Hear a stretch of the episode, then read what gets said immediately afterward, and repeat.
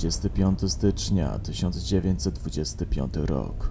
Manchester w stanie New Hampshire w USA.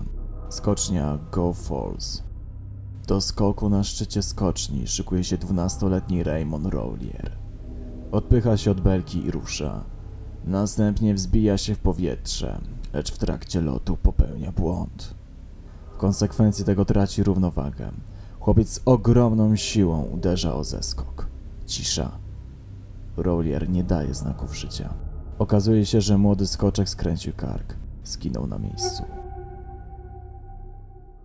To jeden z przykładów śmierci skoczków, które miały miejsce w XX wieku. Przerażających śmierci. Przenieśmy się teraz do Norwegii. Dokładnie do małej mieściny Telemark. To właśnie stamtąd pochodzi Halvord Grover.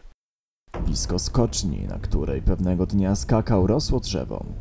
Grover, będąc już na szczycie skoczni, szykował się do skoku, aż w końcu odepchnął od belki. W trakcie rozbiegu stracił równowagę, uderzając tym samym głową we wspomniane drzewo.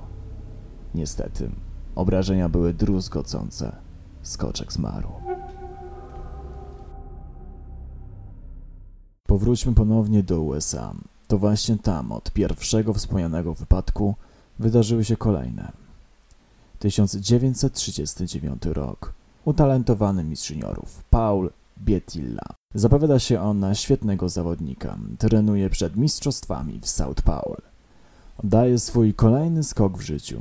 Po dobrym locie ląduje na niezwykle oblodzony zeskok.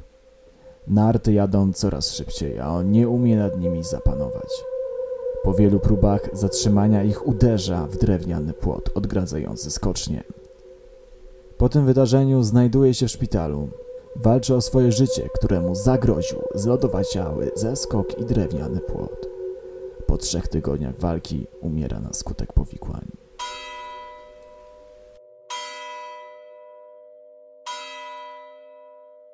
W tamtych czasach odnotowano wiele przypadków śmierci podczas uprawiania tej dyscypliny. Wielu z nich powodem były bardzo źle przygotowane skocznie pod względem bezpieczeństwa.